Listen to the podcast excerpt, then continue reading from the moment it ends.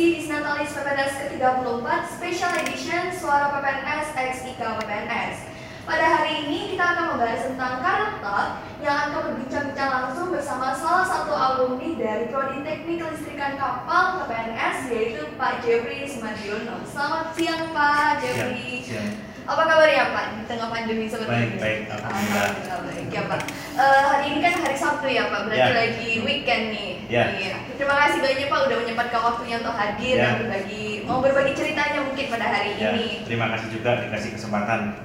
Iya, terima kasih Pak. Eh, mungkin throwback di masa-masa kuliah Pak, mungkin sudah berapa tahun yang lalu ini eh, mengenai apa berada di bangku perkuliahan. Mungkin bisa menceritakan sedikit Pak eh, masa-masa perkuliahannya Pak Jeffrey itu seperti apa sih di tahun yang lalu? Oke, jadi saya kuliah di PPNS ini 98 ya. Jadi tiga tahun saya kuliah. Saya jurusan Power Electrical Engineering dan setia sampai hari ini.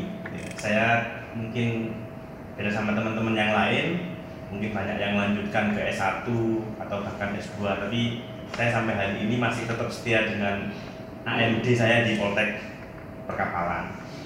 Jadi saya lulus tahun 2001 ya. Lulus tahun 2001. Kebetulan eh, saya waktu itu eh, lebih banyak meskipun jurusan saya di PE ya. eh, tapi saya lebih banyak tertarik ke dunia IT karena memang di apa di PE itu juga ada mata kuliah tentang pemrograman komputer ya termasuk otomasi. Nah, saya bekerja di perusahaan IT. Jadi saya terus bekerja di perusahaan IT. Ya, saya mulai dari bawah. Jadi saya kalau di, di- dulu di perusahaan saya itu saya jadi implementer. Jadi implementer itu tim yang bertugas untuk menjalankan sebuah software yang sudah dibuat. Nah, itu saya eh, berpengalaman di perusahaan saya apa tempat saya bekerja sekitar 10 tahun ya. Tetapi dalam perjalanan 10 tahun itu eh, saya sempat eh, mencoba tantangan di mana tujuh tahun saya menjadi seorang implementer dan tiga tahun terakhir ini tiga tahun karir saya di perusahaan IT tersebut menjadi seorang sales engineer. Jadi saya punya tanggung jawab, punya tugas untuk bagaimana mendapatkan pekerjaan, eh, proyek-proyek baik di instansi pemerintah maupun di swasta. Nah, itu pengalaman saya yang apa berharga sehingga saya memutuskan di tahun 2012 ya saya resign dan saya mendirikan sebuah perusahaan namanya PT Duta Media Cipta yang bergerak di bidang IT juga seperti kemampuan yang saya miliki dan alhamdulillah sampai hari ini eh, kami masih survive ya memberikan layanan ke beberapa klien kami terkait dengan layanan-layanan IT dan kontrol sistem kurang lebih seperti itu Oke, luar biasa ya singkatnya. Ini. ya ya Berarti memang perjalanan karir untuk sampai di titik sekarang ini butuh banyak perjuangan dengan beberapa pengalaman dari 10 tahun berarti Ya. ini ya Pak. ya Oke, mungkin di waktu di, perke- di perkuliahan bapaknya Ya. aktif dalam ikut kalau di sekarang itu ada namanya PKM atau Mawapres Pak. Ya. Bapaknya sempat ikut tidak tidak jadi murni jadi saya ini ya kuliah saya saya apa ya menikmati lah kuliah di PPNS ini cuman saya tidak tidak banyak terlibat di apa kegiatan mungkin di luar perkuliahan jadi saya normatif saya selesaikan di tiga tahun itu sudah terus bekerja ya karena bekerja fokusnya kita bekerja ya kerja. Sampai lupa saya tidak kuliah lagi. Kadang teman-teman kan banyak yang ini ya eh, nyambi lah sorenya kuliah lanjut S1 dan sebagainya. Saya mungkin apa apa ya ya fokus bekerja tapi saya punya cita-cita kan jadi wira swasta ya. Sehingga saya rasa kalau wira swasta ya saya yang dibutuhkan bukan titel saya gitu ya yang dibutuhkan adalah eh, keberanian saya untuk memulai bisnis memulai membuat entitas bisnis dan pelan-pelan itu kita bangun gitu Berarti wira swasta mementingkan apa ya? Kinerja ya Pak. Lebih- Kalau wira swasta ya lebih ke bagaimana kita bisa mendeliver sebuah produk dan layanan kepada customer kita itu aja sih intinya Oke. dan kita bisa berkomitmen memberikan apa yang sudah kita janjikan dalam arti produk yang berkualitas layanan yang bagus itu aja Oke Pak, baik. Eh, berarti eh, ini ya uh, walau tidak ikut mawapres tapi tetap fokus untuk bekerja di mana tujuan awalnya setelah mendapatkan ilmu dari PPNS ingin diimplementasikan di dunia kerja sesuai Ya. passion yang dimiliki. Betul. Benar. Kadang kita tuh memang pak gini, apa ya, mahasiswa-mahasiswa sekarang itu kan juga eh, merasa, aduh saya salah jurusan. Tapi sebenarnya salah jurusan itu bukan berarti kita tidak bisa mencapai cita-cita kita untuk menjadi ya. seorang sukses. Ya. Tapi melainkan kita cari passion kita itu seperti apa dan Betul, kita kembangkan betul, dari betul. ilmu yang kita dapatkan benar sekali. dulu kejadian apa kondisi itu saya alami jadi kalau kalau istilahnya mungkin teman-teman ya mahasiswa yang ngal- ngalamin masuk di PPNS terus merasa waduh saya kok di perkapalan misalnya gitu ya. Itu saya alami dulu. Sedangkan passion saya ini IT tapi itu tidak menyurutkan apa ya mimpi saya. Karena ternyata di PPNS jurusan electrical engineering pun ada mata kuliah pemrograman komputer kan. Eh, dan itu saya berangkat dari sana. Jadi apa kemampuan saya pengetahuan saya itu berangkat dari sana dan alhamdulillah ya bisa gitu ya Iya benar pak. Jadi salah jurusan bukan sebagai Bukan, penghalang, gitu, ya, sebagai ya, sukses, tapi ya. justru itu kita cari, malah kita harus menggali passion Ya. kita tuh seperti apa ya gitu Ya. ya pak.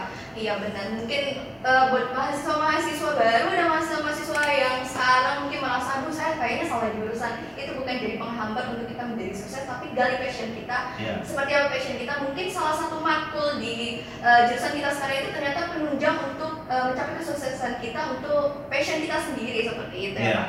Eh, kan Pak Jeffrey sendiri D3, D3 Iya. PE ya Pak. ya Nah itu D3 sendiri berarti hanya tiga tahun dan itu OJT, OJT itu sempat masih Ya. ada, Pak? saya OJT OJT itu ya di perusahaan IT di perusahaan yang saya tempat saya bekerja jadi kerja praktek saya kemudian apa saya bekerjanya juga di perusahaan yang sama Oh, ada persaingan. Sama. Itu berapa bulan ya? dulu satu semester ya Ya, satu. satu semester kemudian satu semesternya kita selesaikan untuk menyelesaikan tugas akhir Nah, mengenai tugas akhir nih Pak, Ya. mungkin bisa menceritakan susah senangnya saat mengerjakan ya tugas oke akhir. dulu tugas akhir saya pun masih ada hubungannya dengan apa ya kerja praktek saya karena saya bekerja di perusahaan IT saya waktu itu masih ingat mengambil judul eh, membuat satu modul multimedia ya yang apa namanya pembelajaran untuk motor listrik jadi dulu kalau di, di apa di IT itu ada namanya software makromedia itu bisa mem, eh, tools untuk membuat modul pembelajaran atau tutorial yang menarik. Nah itu saya buat tetapi waktu itu kan TA itu kan berkolaborasi ya dengan kalau waktu zaman saya ada tiga orang. Ada tiga orang teman saya waktu itu saya masih ingat namanya Pak Setia Wahyu Handoni terus kemudian sama eh, Reddy kalau tidak salah. Nah itu eh, kita berkolaborasi gitu ya. Mungkin ada yang ahli motor listrik dan kita kombinasikan menjadi satu eh, tugas akhir yang sampai tuntas gitu ya. Dan alhamdulillah selesai. Nah itu. Oh, berarti TA-nya yang pada angkatannya Pak Jeffrey itu Iya. berkelompok ya Pak? dulu saya masih berkelompok saya tiga orang mungkin kalau berkelompok lebih mudah ya. Kalau sendiri-sendiri Ya. mungkin mikirnya aduh gimana dalam waktu yang singkat juga itu sebenarnya sebagai tantangan sendiri. ya Tapi nggak apa-apa sih kalau misalnya kita memang udah komitmen untuk ingin lulus dan langsung bekerja Iya. pasti bisa selesai dengan tepat waktu. Eh menaik TA tadi udah. Eh, mungkin ada nggak sih Pak? eh, tadi kan Pak Jeffrey kan eh, suka di bidang IT. Iya. Selain bidang IT, mungkin ada matkul favorit Pak Jeffrey sendiri waktu semasa kuliah. Eh, enggak sih saya masih ini saya masih cukup tertarik hanya di bidang di bidang IT cuman eh, pesen-pesen ke teman-teman ya jadi saya menganggapnya eh, apa ya industri ya industri saat ini dan ke depan ini pasti tidak akan luput dari IT ya. Dan dan ini sangat sekali kelihatan dampaknya sekarang kan termasuk saya sendiri di perusahaan pun harus apa ya eh, kayak ngikutin perkembangan zaman saya bikin software-software yang tidak hanya berbasis proyek tetapi software-software yang eh, mengikuti perkembangan zaman seperti software-software tentang e-commerce ya. Jadi kalau sekarang teman-teman kan sudah tahu yang namanya Shopee itu ya Shopee itu kan umum kan. Nah saya karena bergerak di perusahaan IT dan kebetulan saya juga pelaku bisnis e-commerce nah saya bikin software tools yang bagaimana supaya eh, perjalanan mengoptimasi jualan itu cukup bagus yang tanpa dilakukan manual lagi. Iya. Nah, hal-hal yang begitu yang kita coba mau masuk karena apa ya? Sepertinya ke depan persaingannya begitu.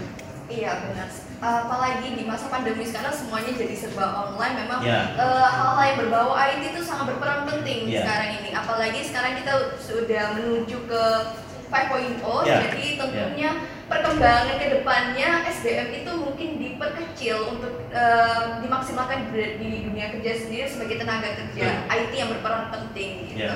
Jadi gimana caranya kita harus memiliki skill yang baik ya Pak Iya. tentunya.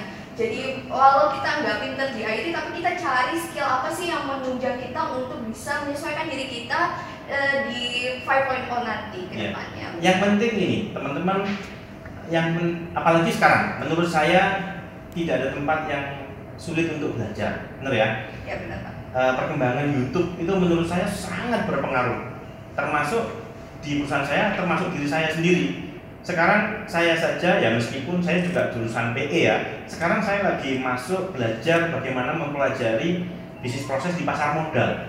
Ya, jadi bagaimana bisa menjadi trader dan investor saham itu juga bagian yang kita kelola dan kita pinginnya bikin aplikasi yang mendukung ke sana gitu. Jadi eh, tapi apa ya satu satu satu hal yang kita masih pegang adalah bagaimana kita tetap fokus. Jadi saya tidak beralih fokus gitu. ya. Kita terus tetap mengasah kemampuan kita terhadap apa yang kita sanggup bersama tim. Itu penting. Jadi telaten. Jadi telaten. Telaten itu mengalahkan segalanya. Orang pinter, orang cerdas, orang jenius pun kalau dia nggak telaten, kalau dia nggak mau tekun, kalah sama orang yang telaten. Iya. Itu sih menurut saya. Iya benar Pak. Kalau kita tekun terhadap apa yang sudah kita Ya. terapkan, yang sudah tahu nih tujuan kita mau seperti Betul. apa, kita pasti bakal terus mengasah skill-skill Ya, kita mau ya. dari soft skill mau hard skill itu pasti bakal kita asah terus Betul. sampai kita bisa menjadi orang yang mungkin dari kita yang nol bisa jadi Ya. profesor, bisa jadi lebih expert di bidangnya seperti Nah, itu. tekun itu tantangannya apa? Kalau pas mau bisnis atau mau berusaha e, mengalami kegagalan, nah itu tantangannya orang tekun. Biasanya kalau orang sudah gagal, orang nggak berhasil itu cenderung banting setir, ya, atau mencari sesuatu yang baru. Nah, ini menurut saya tantangannya situ. Kalau kita mau tekun, kita cari terus solusi apa yang apa namanya e, mencari solusi terus lah sampai kita mendapatkan kesuksesan. Nah ini itu menurut saya. Iya, berarti kalau walau kita eh, masih tahap awal mengalami kegagalan itu bukan eh, apa ya? Kita harus putus asa, Iya, tapi iya. kita perlu mengevaluasi kegagalan tersebut, Iya. apa yang perlu diperbaiki Betul. untuk mencapai kesuksesan sendiri. Betul. Mengenai pasar modal ya Pak, Iya. ini kan sekarang sudah banyak ya aplikasi-aplikasi penunjang untuk bagaimana Iya. kita belajar investasi, Betul. mulai dari eh, ada yang investasi saham, Iya. ada juga B2P, ada juga reksadana, ada Iya. juga kripto, Iya. dan eh, ini juga menjadi apa ya tren sendiri di Iya. kalangan remaja. Iya. Itu pentingnya juga kita melek investasi buat kemajuan Betul. ke depannya. Nah, nah, tapi kita itu selalu harus punya pilihan. Jadi jangan eh, begitu banyak pilihan kita tidak ada pilihan. Seperti yang kami tekuni, kami fokus di pasar modal di eh, stock exchange Bursa Efek Indonesia. Karena bagi kita itu dilindungi oleh pemerintah, gitu kan. Terus kemudian real ada bisnisnya, gitu kan. Dan dari kita kita kalau mau tekun di sana, kita yakin bisa besar di sana, gitu. Kripto menguntungkan, tapi kan ya kalau kita belajar dari YouTube dan sebagainya itu kan tidak ada underlyingnya ya, jadi sangat berisiko. Nah itu kita tidak pilih. Jadi yang penting lagi berikutnya setelah kita punya rencana kita tekun pada pilihan kita yang logis. Jadi itu. Nah kita sekarang ya meskipun perusahaan IT kita juga bermain di sana, tapi harapannya kita bisa membangun tools atau software-software yang mendukung untuk sukses berbisnis di sana. Gitu. Iya.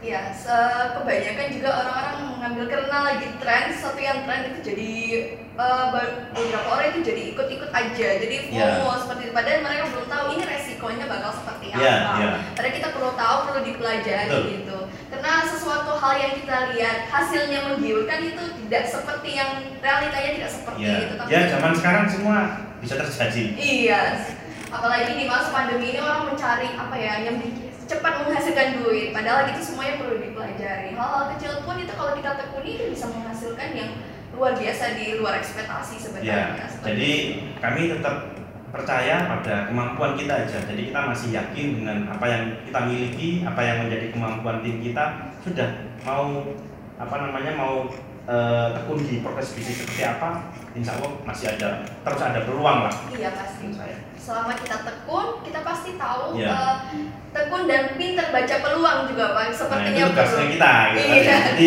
kalau dalam sebuah tim itu jangan semua yang punya yang pinter baca peluang. Kadang-kadang ada istilah juga kita itu jangan mudah terpengaruh dengan peluang.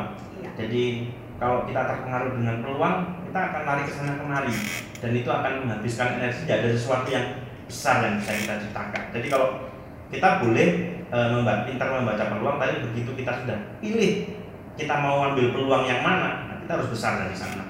Itu aja sih. Berarti Iya. kita perlu eh, ada peluang, kita perlu analisis tuh peluangnya seperti Ya, apa. ya. Apakah sudah sesuai dengan tujuan kita? Apakah kita bisa mencapai target tersebut? Dan kita Ya. perlunya ada komitmen di awal tadi Ya. seperti apa? Seperti Betul. itu ya pak. Dan zaman sekarang ada di semua ya, Iya. e, maksimalkan yang namanya itu YouTube gitu ya. Iya. YouTube itu menurut saya itu apa ya?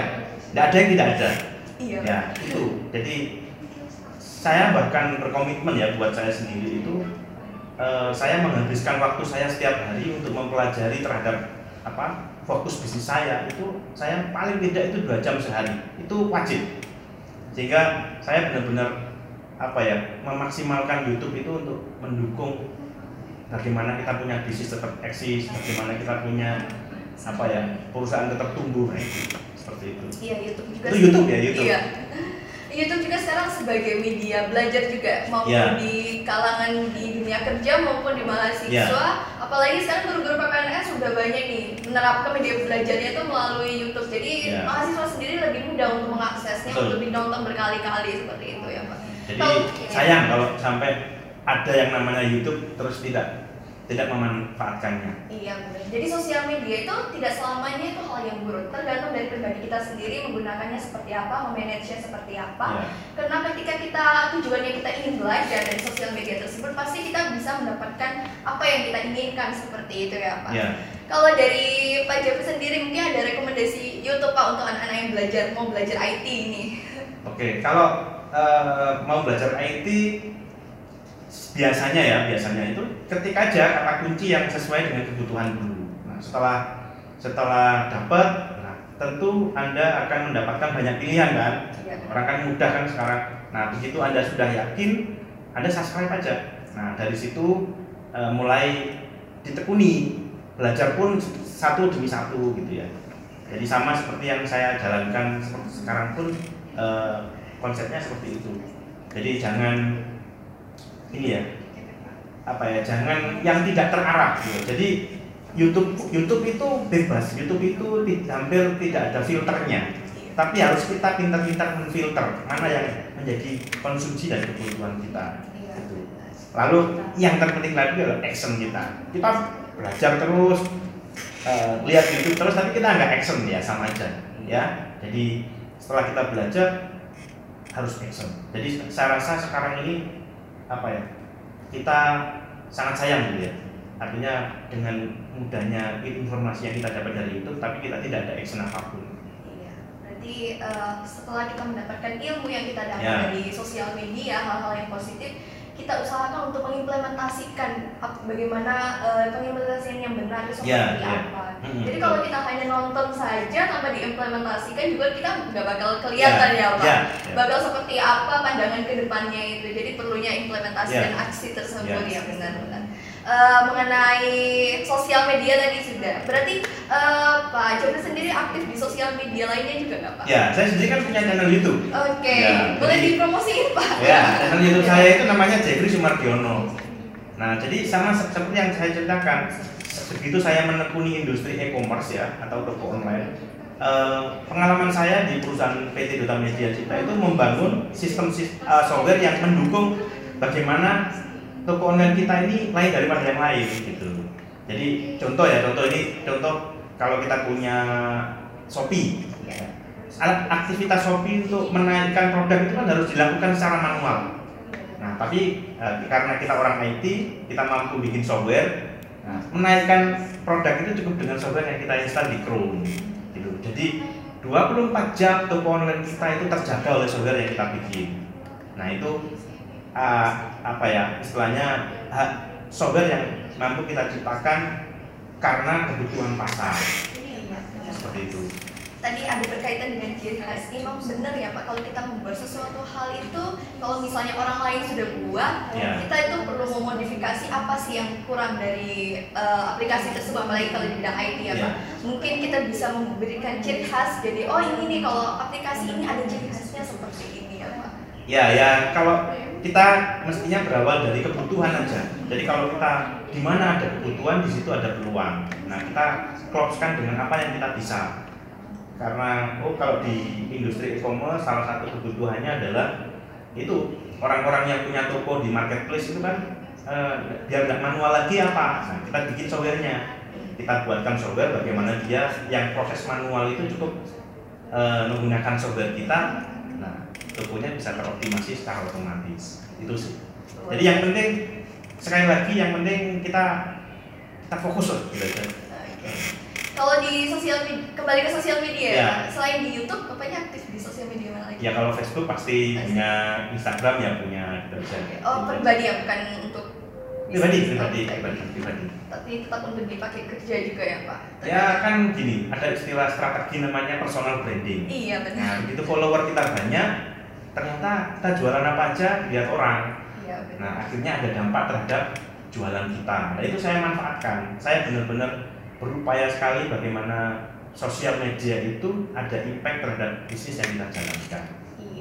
Iya, benar. Itu. Jadi sosial media itu tidak hanya untuk media belajar, tapi kita bisa jadikan media bisnisnya kita yeah. sendiri. Bagaimana yeah. kita soft sellingnya, yeah. hard sellingnya sendiri kepada followers-followers kita juga. Yeah. Yeah. Dan target sasarannya kita bisnis kita itu seperti apa? Apakah menjangkau mereka atau enggak itu perlu juga Pak. Berarti kita perlu yeah. belajar segalanya. Ya, yeah. yang penting belajar dan tahu tahunya itu tidak hanya sekedar tahu ya tahunya itu harus tahu yang sangat dalam sekali kalau saya ya ini saya tahunya juga dari YouTube sama juga istilahnya kalau anda ingin dapat mutiara itu kan harus masuk ke laut yang paling dalam. Nah sama kayak kalau kita mengeksplor sesuatu ternyata pun sama. Kita harus tahunya itu tidak sekedar tahu. Jadi tahu yang orang lain tidak tahu tapi kita tahu. Nah itu jawabannya apa? Butuh waktu. Nah butuh waktu berarti apa? Butuh kesabaran butuh konsistensi gitu step by step untuk mempelajari yeah, segala sesuatu. yeah. jadi tidak langsung bisa tapi step by step. Yang penting kita sabar dan konsisten ya pak. Ya itu sabar dan konsisten bukan dari saya loh. Itu juga dari YouTube. Iya. jadi orang-orang yang sukses orang yang sukses itu banyak yang mengajarkan konsisten sabar itu benar. Maka kalau misalkan anda melakukan sesuatu belum sukses rata-rata problemnya di sana. Aku sudah pinter aku sudah bisa tapi kok belum ini? Nah perlu dicek lagi nih loopnya apa namanya uh, sikap mental yang saya sebut tadi iya. itu Iya sebenarnya itu memang kembali ke diri kita sendiri berarti kita harus komit dulu sama diri kita sendiri yeah. kita memulai nih maunya seperti apa biar kita lebih terarah yeah. kan beberapa orang itu lebih ini merasa karena eh orang lain udah berhasil nih saya belum berhasil yeah. oh, orang lain bisa seperti ini saya belum bisa seperti yeah, ini pasti banyak iya pasti banyak seperti itu itu sebenarnya berawal dari diri kita sendiri tujuan hidup kita yeah. seperti apa kalau sudah tahu kita komit untuk mencapai uh, hal yang kita inginkan yeah. untuk mencapai kesuksesan sendiri sendiri ya Pak? Iya loh, saya itu di YouTube itu ada ada apa ya banyak ya share. Itu menarik untuk adik-adik pegang. Jadi usia anda, usia umur saya dulu waktu itu saya ingat saya juga meraktekkan itu. Jadi usia anda yang usia antara 20 sampai 30 ya, itu usia di mana anda belajar dan mungkin bekerja untuk cari pengalaman. Tetapi ada usia nomor ada usia 30 sampai 40 itu gunakan Anda sudah berani memutuskan untuk berbisnis. Saya sama, saya resign pun waktu itu umur 30. Jadi saya nekat sudah saya bisnis bismillah gitu ya. Dan alhamdulillah sampai hari ini masih istiqomah ya pilihan kita tetap bisnis. Nah, apa namanya? Jadi eh, punya tujuan lah, punya tujuan, punya tujuan yang jelas. Eh, saat kapan saya harus begini, saat kapan harus begini jelas. Jangan uh, yang tidak punya tujuan. Iya. Nah, kira-kira seperti itu. Iya. karena saya juga sempat belajar dari beberapa orang yang sukses di luar Iya. sana Pak mengenai kita itu eh, si apa selama kita hidup itu tidak selamanya kita bakal bekerja sama orang lain tentunya kita perlu eh, kita di tempat orang lain mungkin kita bisa mengembangkan skill-skill yang kita punya ketika kita sudah tahu Iya. timingnya kapan nih kita akan memulai untuk dari awal untuk membangun bisnis sendiri itu Iya. pasti ada gitu ya Kalau soal ini banyak ya, kita juga punya teman. Jadi yang kalau soal sukses atau apa itu kan tidak bisa di, hanya dinilai dari uang ya. Kalau saya ngobrol sama teman-teman yang bekerja di perusahaan yang cukup bagus pun, misalkan di BUMN atau di perusahaan-perusahaan yang besar, mungkin dari sisi uang dia dapat, tapi dari sisi waktu dia tidak bisa. Karena kalau sudah menjadi pekerja, waktunya itu eh, benar-benar sudah dibelilah oleh perusahaan selama jam kerja. Nah, salah satu yang membedakan kalau itu sudah menjadi ya usahawan yang sukses ya, itu waktu kita fleksibel. Jadi waktu kita itu bisa kita manage sendiri. Itu sih yang yang benar-benar beda terasa bedanya. Apalagi kalau kita sudah bisa nyiptakan sistem, kita bisa membuat semacam prosedur-prosedur di bisnis kita, kita sudah punya tim, nah ini kita bisa lebih ringan lagi. Seperti itu. Iya, kalau kita bekerja di perusahaan atau di bawah eh, BUM itu beberapa kan kerjanya itu nggak kenal weekend gitu. Kan Ya. ada beberapa yang nggak kenal ada waktu libur itu kan juga eh, seperti cukup ini ya agak menyiksa diri sendiri kan Ya. kita nggak mungkin kerja full tujuh hari penuh pasti di mana Ya. tubuh kita sendiri otak sendiri butuh Ya. istirahat seperti itu. Ya, saya sendiri kan juga pernah bekerja 10 tahun. Iya. Jadi ya tahu, oh ternyata uh, kalau namanya kita sudah mendeklar menjadi seorang pegawai, konsekuensinya adalah kita ngikutin aturan perusahaan. Iya. Gitu. mau nggak mau waktu juga pasti tersita Ya. sesuai dengan uh, rules dari perusahaan sendiri sih. Jadi kita kalau misalnya uh, mungkin buat teman-teman juga nanti misalnya takut nih bekerja di perusahaan nggak perlu takut kita bisa bekerja di perusahaan mungkin kita mengambil pelajaran-pelajaran penting dari sana untuk mengembangkan soft skill, hard skill gitu. Tapi ketika teman-teman merasa sudah yakin teman-teman ingin membangun bisnis sendiri untuk mau lebih fleksibel waktunya ya Iya. Pak seperti itu jadi bisa aja gitu. Tahapan orang dari pekerja menjadi pengusaha ya, itu cuma satu modalnya, nekat. Jadi orang pinter dan banyak lah. Tapi ada satu hal yang eh, kadang ini banyak tidak orang sanggupin apa nekatnya itu. Jadi kadang takut dengan pilihannya lah nanti kalau saya begitu ya nggak jalan bisnisnya jalan siapa yang ngasih makan siapa yang banget bayar cicilan rumah dan sebagainya maka modalnya cuma nekat jadi kalau sudah mau mau beralih dari level apa karyawan menjadi usahawan pengusaha itu modalnya cuma nekat tapi nekat tentu nekat yang terukur ya tidak nekat nekat ngawur tanpa rencana itu Iya. tapi yang paling dominan itu adrenalin untuk nekat itu Iya. nah, itu kita harus nekat tapi nekatnya ini benar-benar dia udah terukur tadi ya terukur, iya. kita udah tahu udah persiapan mungkin kalau misalnya kita ingin resign dan membangun bisnis supaya tidaknya mungkin takut dengan finansialnya. Udah mungkin mempersiapkan Iya. sebelum resign itu udah memiliki dana dana sendiri ya Pak? Ya ya itu teknis saja ya. Itu teknis teknis bagaimana persiapan. Tapi yang terpenting itu nekat dan all out. Jadi tidak kalau kita coba lihat kalau kita sambil kerja sambil bisnis rata-rata pasti tidak bisa maksimal. Karena pikiran kita ya pikiran kita itu ya harus mikir kerja juga harus masih mikirkan bisnis. Padahal kalau kita sedang ngomong bisnis yang kita hadapi apa customer dan kalau udah customer customer itu ingin dilayani full. Lah kalau kita melayaninya setengah-setengah waktu kita sambil ngatur kerjaan sambil melayani customer tentu hasilnya beda dengan di mana waktu kita juga full untuk customer itu Jadi setelah kita buat bisnis, yang kita hadapi adalah customer. Bagaimana Ya. pelayanan kita kepada customer Ya. sendiri sehingga customer itu yakin sama bisnis Ya. kita dan bagaimana kita bisa mengguide customer tersebut mungkin dan customer calon-calon customer lainnya itu yang penting jadi apa ya istilahnya ja- kita nggak boleh ya meremehkan karyawan atau pengusaha sama saja tapi satu mindset yang harus kita pegang untuk menjadi pengusaha itu jangan menganggap sesuatu yang gampang susah perjuangannya sangat berat sangat berat maka eh, apa ya supaya tidak kecewa gitu. Uh, katanya jadi pengusaha kok gampang tidak makanya eh, begitu kita punya mindset berat makanya kita berusahanya juga keras gitu ya, supaya berhasil Iya, gitu. Iya, menjadi seorang pebisnis itu bukan hal yang mudah. Mungkin kelihatannya aja ya, Pak. Covernya Ya, tuh mudah banget, enak. Kayaknya pebisnis tuh enak ya. Iya. Bisa ini, bisa ke sana kemari, ini tapi di dal di balik layar sendiri itu ba- banyak perjuangan untuk Iya. bagaimana menggait customernya sendiri, mengatur marketing marketingnya, pemasarannya, Iya. sasaran bisnisnya seperti apa. Jadi memang bukan hal yang mudah, tapi menurut saya sendiri Hmm. bisnis itu bisa jadi apa ya masa depan Ya bisa.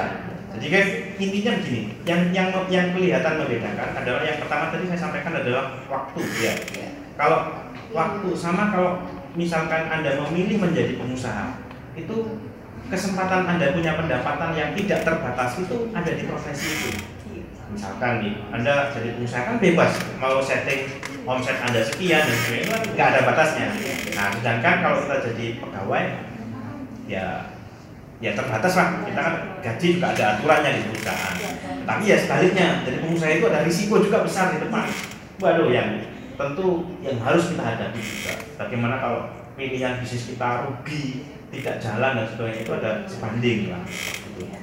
Makanya itu perlunya kalau kita sudah terjun di dunia bisnis perlunya tekun lagi ya, ya ya tekun Tekun, komitmen dan nekat gitu. Ya. Dan ini biasanya kalau orang bisnis itu kadang punya rasa malu sendiri Pak untuk sel apa memasarkan ke teman-temannya. Padahal itu kan sebenarnya nggak perlu malu ya Pak. Ya, tidak perlu, tidak Iya. perlu. Malu itu kalau kita mencuri, Iya. ya.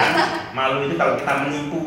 Nah itu malu, kita malu. Berbuat sesuatu yang jelek itu malu. Tapi kalau untuk bisnis, tidak ada malu, tidak ada, tidak boleh malu.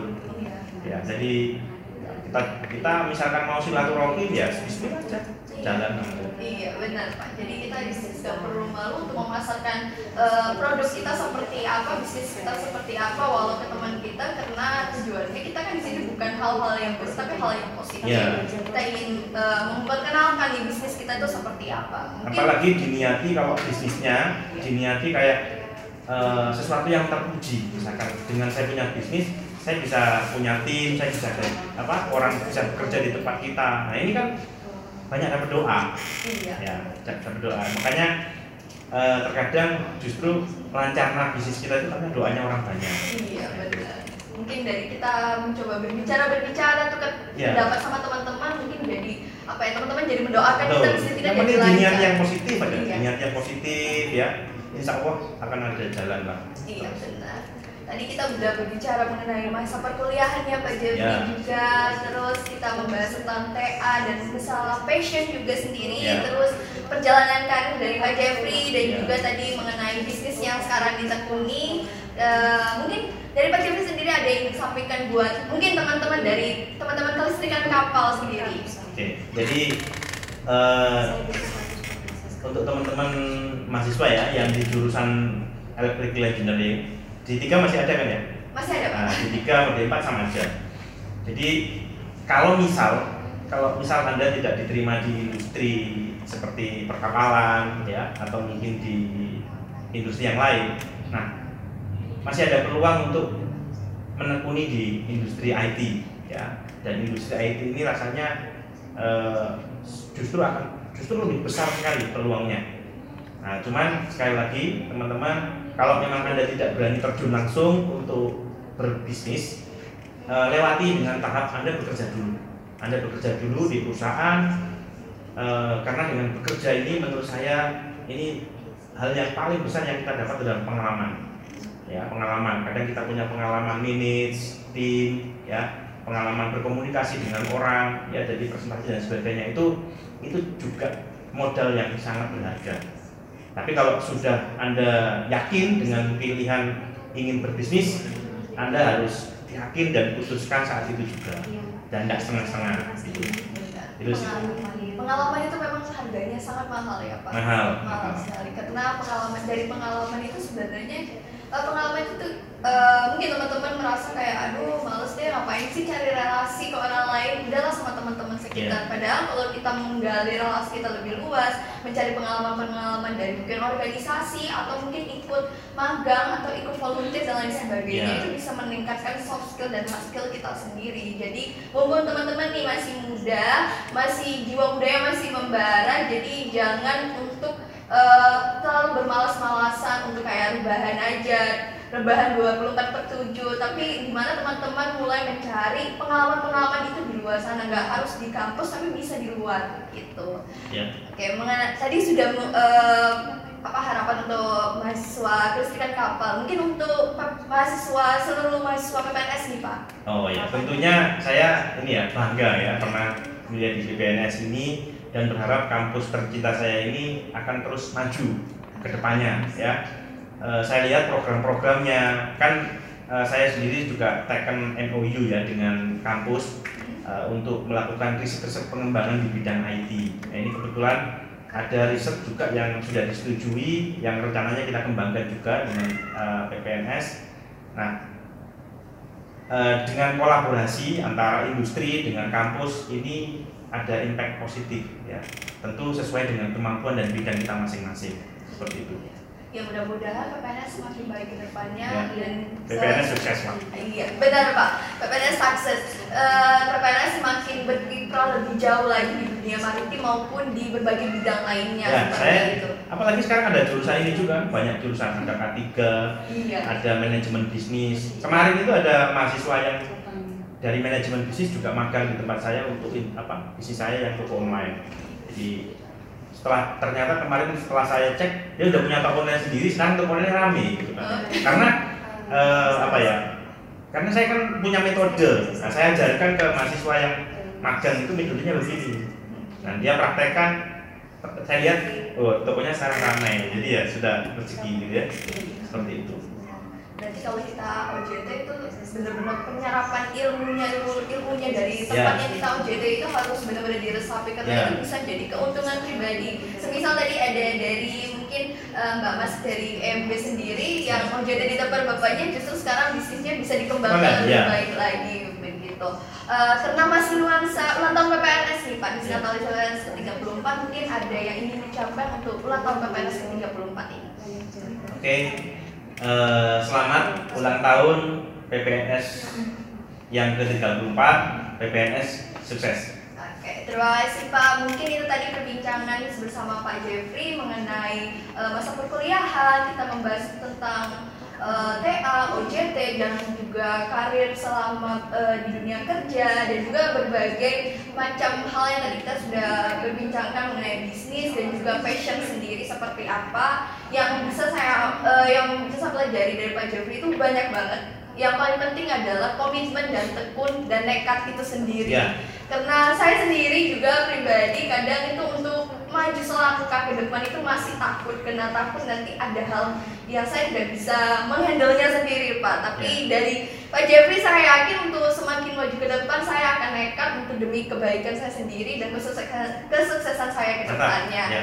Baik, eh, mungkin sebelum saya tutup kita ada jargon Pak untuk DN Bisnatalis. Jadi kalau saya bilang Bisnatalis 34 melejit bersama vokasi. Siap. Oke, mungkin bisa bersama-sama ya. Oke. Oke. Bisnatalis PPNS ke-34 melejit Melejit bersama bersama vokasi. vokasi. Terima kasih Pak.